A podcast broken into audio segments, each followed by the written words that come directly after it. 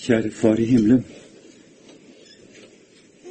Vi ber om at du må gi oss Din Hellige Ånd og åpne ditt hjerte for oss, så vi kan se inn i din smerte og inn i ditt fryktelige offer, det grufulle, det som skjedde da din sønn ble overgitt til vår synd, til vår dom og til vår død, og at det var du som gjorde det, far. Vi ber om at dette må gå oss til hjertet. Vi må makte å sette ord på det, makte å høre det, makte å ta imot det. Det kan bare skje ved Din Hellige Ånd. Amen. Prekenteksten i dag står i Johannes 3, 16 og litt til. Og den kjenner vi så godt alle sammen, for vi kaller den for Den lille bibel, og hører til det ut som vi har hatt i barndommen, tror jeg, hver eneste en av oss. La oss forsøke å si dette ene verset sammen på gammelmåten. Så har Gud elsket verden, at han ga sin sønn den enbårne, for at hver den som tror på ham, ikke skal fortapes, men ha evig liv. Den som tror på ham, blir ikke dømt. Den som ikke tror, er allerede dømt, fordi han ikke har trodd på Guds enbårne sønns navn. Og dette er dommen, at lyset er kommet til verden, og menneskene elsket mørket fremfor lyset, for deres gjerninger var onde. For hver den som gjør ondt, hater lyset og kommer ikke til lyset, fordi at hans gjerninger ikke skal bli refset. Men den som gjør sannheten, han kommer til lyset, for at hans gjerninger må bli åpenbaret, for de er gjort i Gud. Hellige Far, hellige du oss i sannheten. Ditt ord er sannhet. Amen. Så har Gud elsket verden at han ga sin sønn den enbårne. Det står ikke 'så høyt har Gud elsket verden'. Det står ikke 'så dypt har Gud elsket verden', men det står 'så' i betydningen 'således'. Slik har Gud elsket verden. Det er Guds måte å elske på. Han har ikke elsket verden slik vi elsker verden. Vi elsker verden dypt, og vi elsker verden høyt, og vi ofrer gjerne alt for å vinne verden. Gud elsker på en annen måte. Og det er denne kjærlighet som Gud elsker med, som vi kristne har lært å kjenne gjennom Hans Sønn Jesus Kristus. Det er den guddommelige kjærlighet. Og verden, som her er elsket, det er først og fremst Herrens, Guds ypperste skapninger, mennesket og med den virkelighet som han har skapt for å bære dem og nære dem og verne dem. Himmel og jord. Men det er mennesket det gjelder når det er tale om frelse. Og så har Gud elsket verden, at han gav sin sønn. Det betyr at Gud er identifisert som far og ikke som den far som står og venter på sin bortkomne sønn. Kommer han ikke snart? Og når han endelig kommer, så løper han ham i møte og favner ham. Det er ikke den far det er snakk om. Men det er den far som sender sin sønn fra seg. Ut i det ytterste mørket. Ut i synden, ut i sviket, ut i nederlaget, ut i alt dette forferdelige.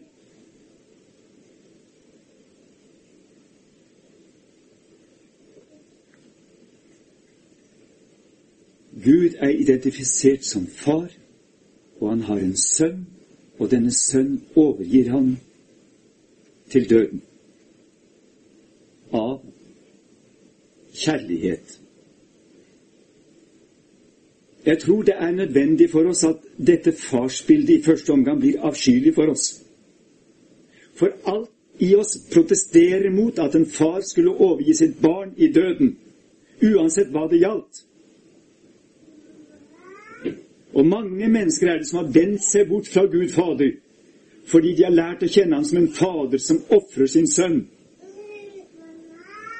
Ja, som krever dette blodige, forferdelige offer som et oppgjør. Som en bro mellom ham og oss og presenterer det som den eneste mulighet. Og de sier dette er en blodig, forferdelig Gud. Dette er den gammeltestamentlige Gud. Ja, det er den gammeltestamentlige Gud. Det gamle testamentet har gitt oss forbilde på Guds offer og Guds avskyelige handling. Mest, et av de mest anstøtelige kapitler som vi har i Den hellige skrift. Her har vi forbildet. Faderen som overgir sin eneste sønn. På grunn av en eller annen ufattelig og forståelig guddommelig plan. Av ren og skjær lydighet. Men jeg tror vi skal lese den. For dette er egentlig Johannes 3, 16. Vi har sitert den lille Bibelen. Nå begynner vi å se inn i den store Bibelen. Og kanskje et av de mest sentrale kapitler i hele den store Bibelen.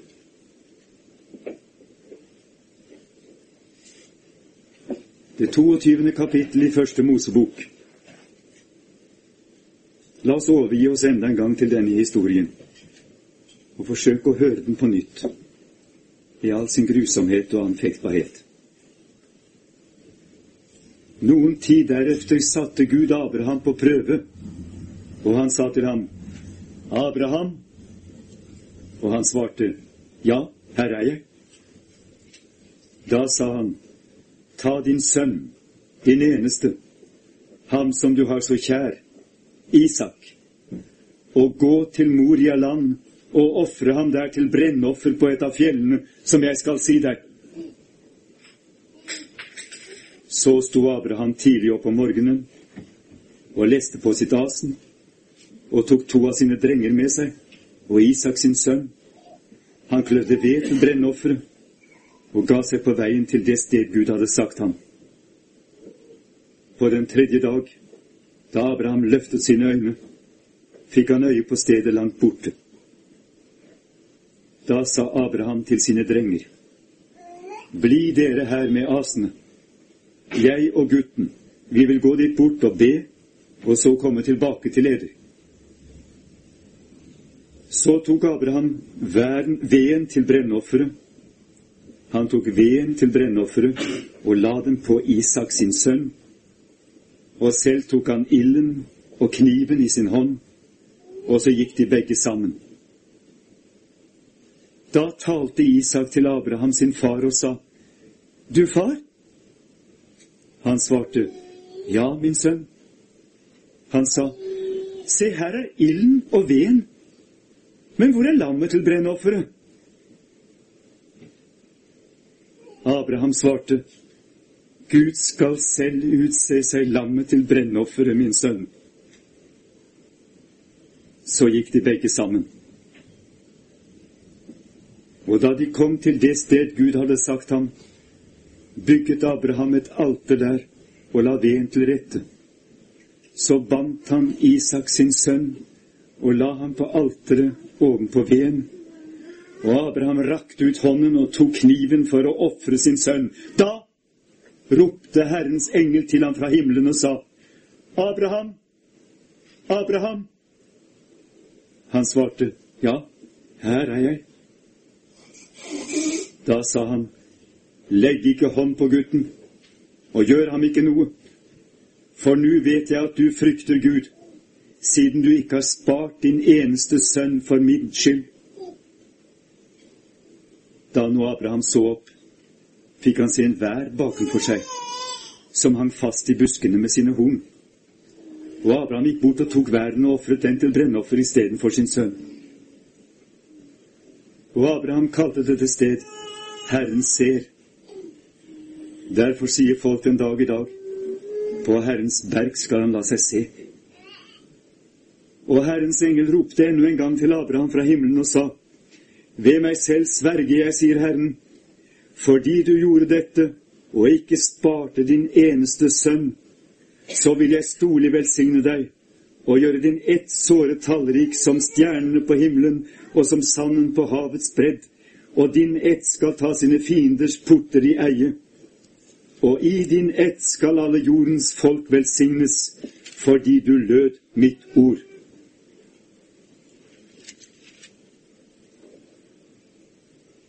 Du lød mitt ord. Og I dette ligger et enda større befaling enn at han lød en befaling, men han hørte selve ordet. Og han nær på fullbyrdet ordet, som en slags Guds efterfølger. Dere vet at Abraham også ble kalt for Guds venn. Og her, her ble Abraham innviet i å gå Guds egen vei, og han ble innviet i Guds egen smerte og i Guds egen offerhandling. Altså i, i selve korsets ord var det Abraham ble innviet. Det var dette han gikk inn i med hele seg selv, med sin sønn, med veden, ilden og kniven, da han gikk til Moria berg, det berg som tempelet siden ble bygget på. Og alle offerlam i dette tempel siden peker egentlig tilbake, tilbake på dette ene Abrahams offer, og frem mot dette ene forferdelige offer som bare Gud selv skal fullbyrde. Og det er Guds mysterium, og det er Guds dårskap, som på gresk heter Guds moria. Allerede kirkeferien har hengt seg opp i dette merkelige at Guds dårskap heter Guds Moria. På gresk det så, og dermed klinger sammen med dette stedsnavnet Moria, hvor Isak ble ofret, hvor alle lammene ble ofret, tempelberget i Jerusalem.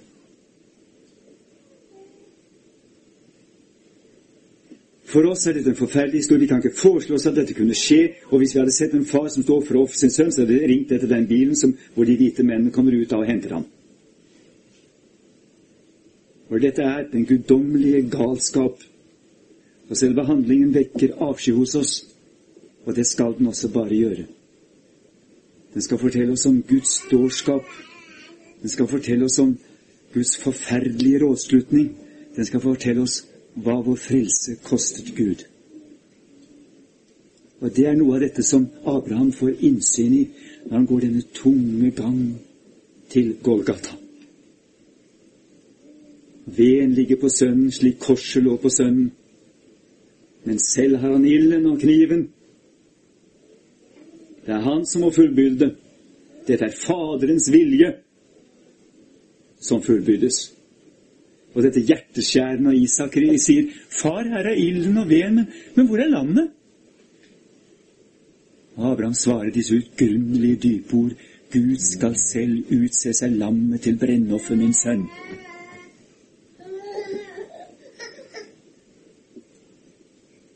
Og Gud utså seg selv lammet. Men det er det lam som Johannes pekte på da han sa, 'Se der Guds lam som bærer verdens synd'. Johannes fikk se det utsette, utvalgte lam.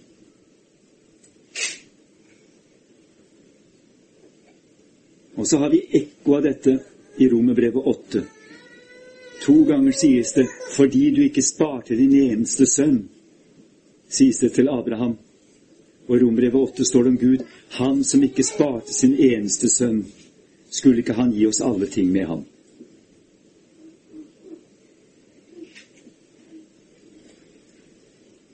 Hele Skriften vitner om dette veldige, fryktelige offer som Gud gjorde til vår frelse. Dette er Johannes 3, 16. For Gud sendte ikke sin sønn til verden for å dømme verden, men for at verden skulle bli frelst ved ham. Den som tror på ham, blir ikke dømt. Den som ikke tror, er allerede dømt, fordi han ikke har trodd på Guds enbårne Sønns navn. Disse ordene betyr egentlig at Gud har i sin sønn, gjennom sitt forferdelige offer, tatt oppgjøret med alt det som kan dømme oss. Det fins dypest sett ingen dom igjen. Dommen er tatt bort på korset. Det er virkelig fullbrakt. Det er fra nå av bare én ting som kan hindre vår frelse, og det er at vi ikke tror på lammet, på Sønnen, og tar imot ham. Det er det som er dommen. Som det også sies, dette er dommen, at lyset er kommet til verden, og menneskene elsket mørket fremfor lyset, for deres gjerninger var onde. Altså Fra nå av fins det bare én dom, nemlig det at vi avviser vår frelser, han som tok vår dom. Det er den dom som står igjen. For i Kristus, gjennom Kristus, ved Kristus, er hele vår dom sonet. Straffen er tatt. Skylden er betalt. Det er så radikalt Johannes forkynner. Vi treller nok under synden, og synden dømmer vår samvittighet, rir oss som en mare, jager inn i vanvidd. Djevelen propagerer hele tiden at det er jeg som har makten. Jeg får det siste ordet. Døden skriker opp mot deg og dømmer deg og sier 'Jeg har fremdeles min brodd intakt. Jeg kan drepe deg.' Dødens brodd er synden, og syndens kraft er loven. Men det er fordi du fremdeles er i løgnen. Fordi du fremdeles er fanget inn av fiendens propagandaapparat, som vil ha deg til å tro at seieren ikke er vunnet på korset. Gammel synd binder deg til ny synd. Fordi du ikke har lært å kjenne din frigjører. Men det er på en måte et et spill. Et djevelsk spill. For Herren Kristus har seiret over ham på kors. Avvæpnet ham, avslørt ham. Han har ingen makt lenger til å dra oss inn i fortapelsen.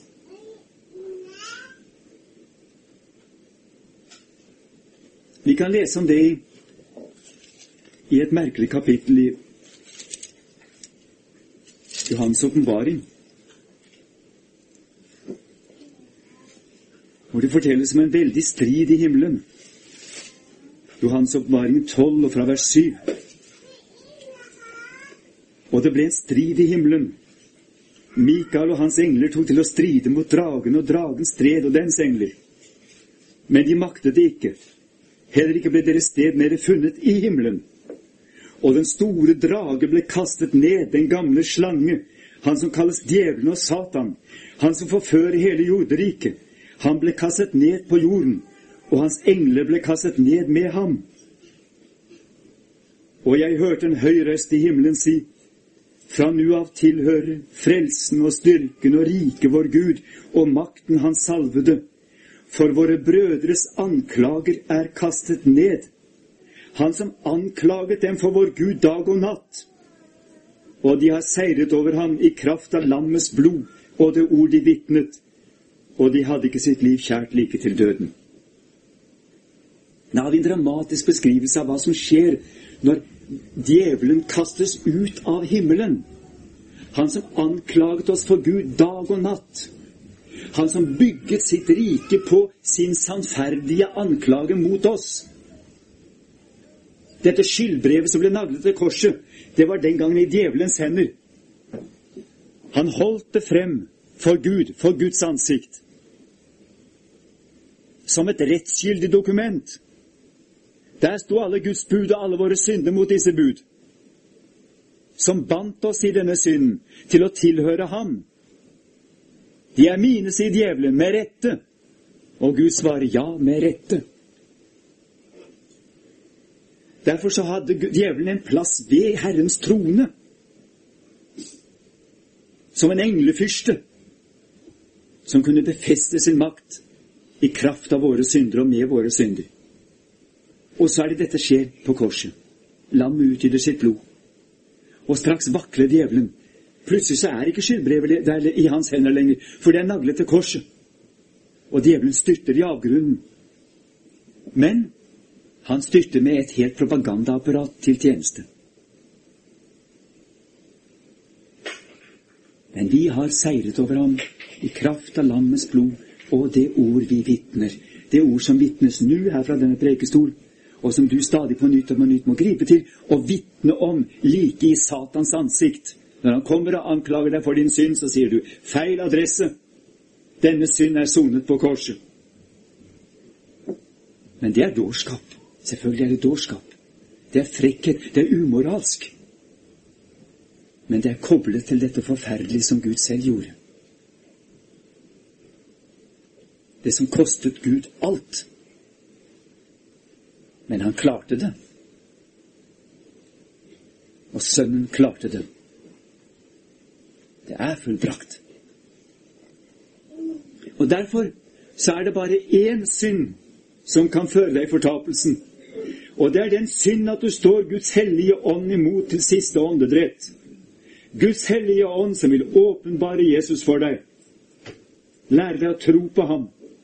Ta imot din frelse som et fullbrakt verk, som ikke har noe med dine gjerninger, verken dine gode gjerninger eller dine synder, å gjøre.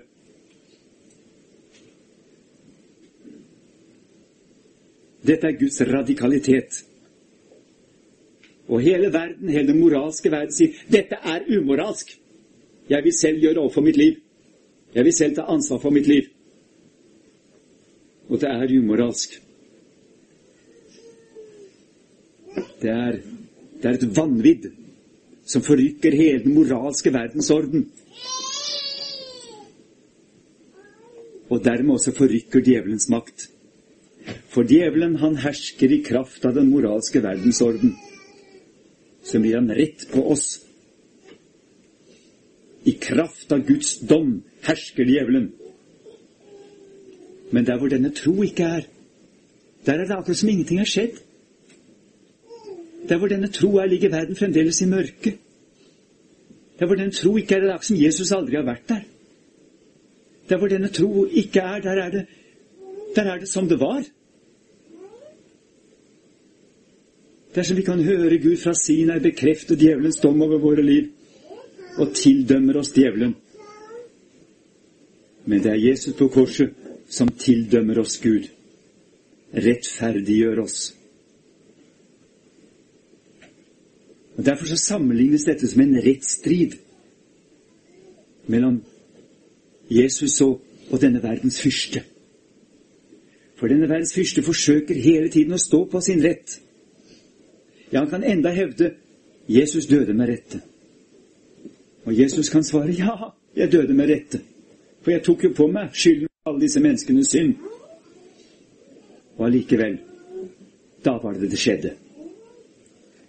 Den som tror på ham, blir ikke dømt.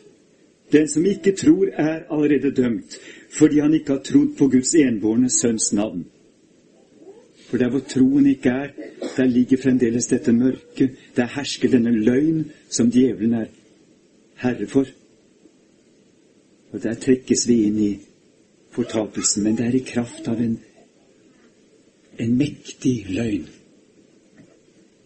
Og dette er dommen, at lyset er kommet til verden, og menneskene elsket mørket fremfor lyset, for deres gjerninger var onde. Men den som gjør sannheten, han kommer til lyset, for at hans gjerninger må bli åpenbaret, for de er gjort til Gud. Og det er det vanskeligste verset her. Hvem er det som gjør sannheten? Slik at han kan komme inn i lyset og si, se her, her er mine gjerninger. De er gjort til Gud.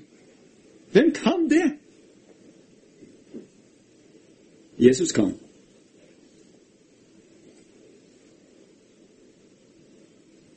Ære være Faderen og Sønnen og Den hellige ånd, som var og er og blir en sann Gud fra evighet og til evighet. Amen.